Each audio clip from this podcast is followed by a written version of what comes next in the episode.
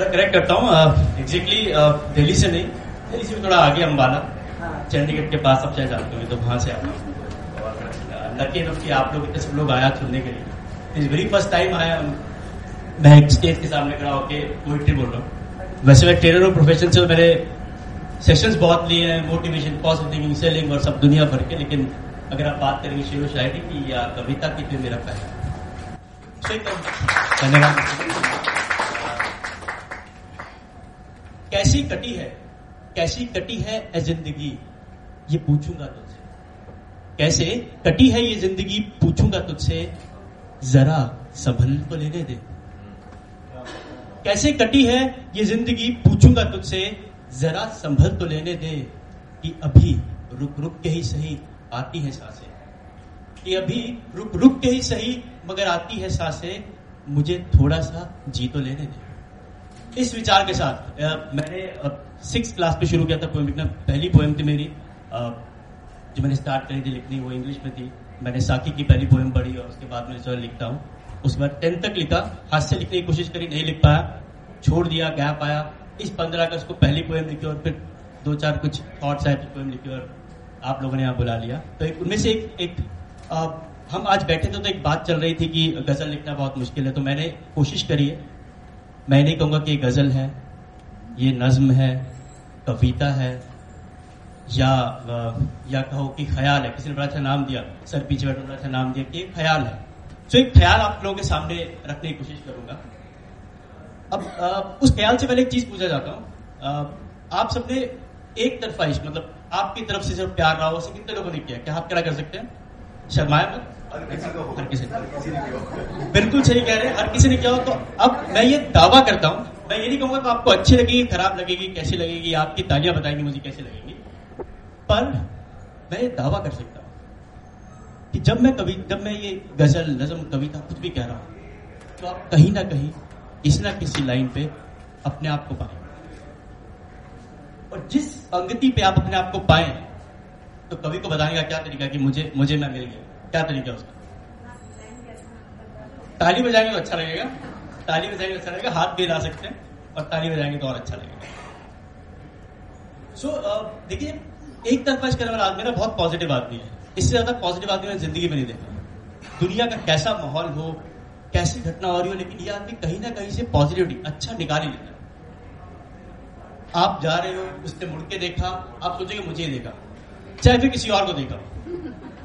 लेकिन ये आदमी इतना पॉजिटिव सोच ही लेगा कि मुझे देखा तो so, इसके नाम पे एक, छोटी सी खता पेश है। मैं गज़ल नहीं कहूँगा क्योंकि यहाँ बहुत गज़ल लिखने वाले अच्छे अच्छे लिखने वाले बैठे हैं उससे छोटी सी खता पेश है। इश्क तो उसके दिल में भी है। इश्क तो उसके दिल में भी है मुझी से प्यार करती है। इश्क तो उसके दिल में है मुझी से प्यार करती है।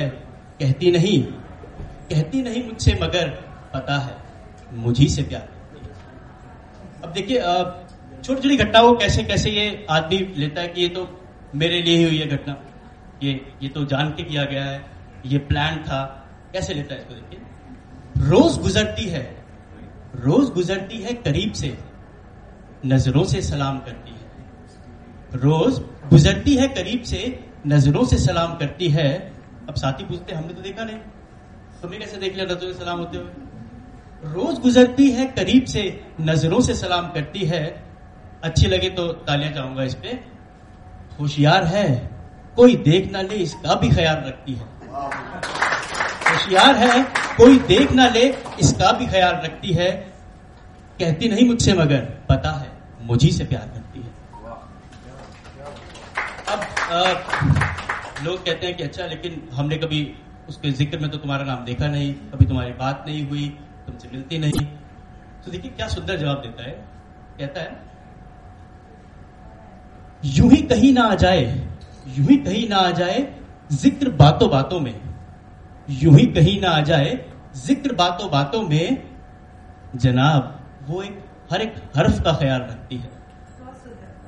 यूँ ही कहीं ना आ जाए ज़िक्र बातों बातों में। जनाब, वो एक हर हर्फ का हिसाब रखती है। कहती नहीं मुझसे, मगर पता है। मुझी से प्यार करती है। भैया अभी तक तीन साल हो गए कॉलेज के दो साल के कॉलेज के इजहार मोहब्बत क्यों नहीं हुआ? उनकी तरफ़ से क्यों नहीं हुआ? इतना प्यार है। क्या कहता है देखिए। कर तो सकती है कर तो सकती है वो मुझसे इजहार मोहब्बत। कर तो सकती है वो मुझसे इजहार मोहब्बत। जहीन है मेरे कहने का इंतज़ार करती है।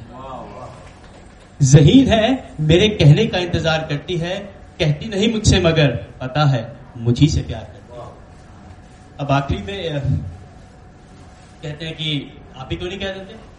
अब बोलो आशिक है। आशिक कमज़ोर दिल का होता है नाजुक दिल का वो दिल नहीं दुखा सकता किसी का। तो इस पे वो एक लाइन कहता है कहता है मैं भी कर सकता हूँ मैं भी कर सकता हूँ यूँ तो मिलके इजहार मोहब्बत।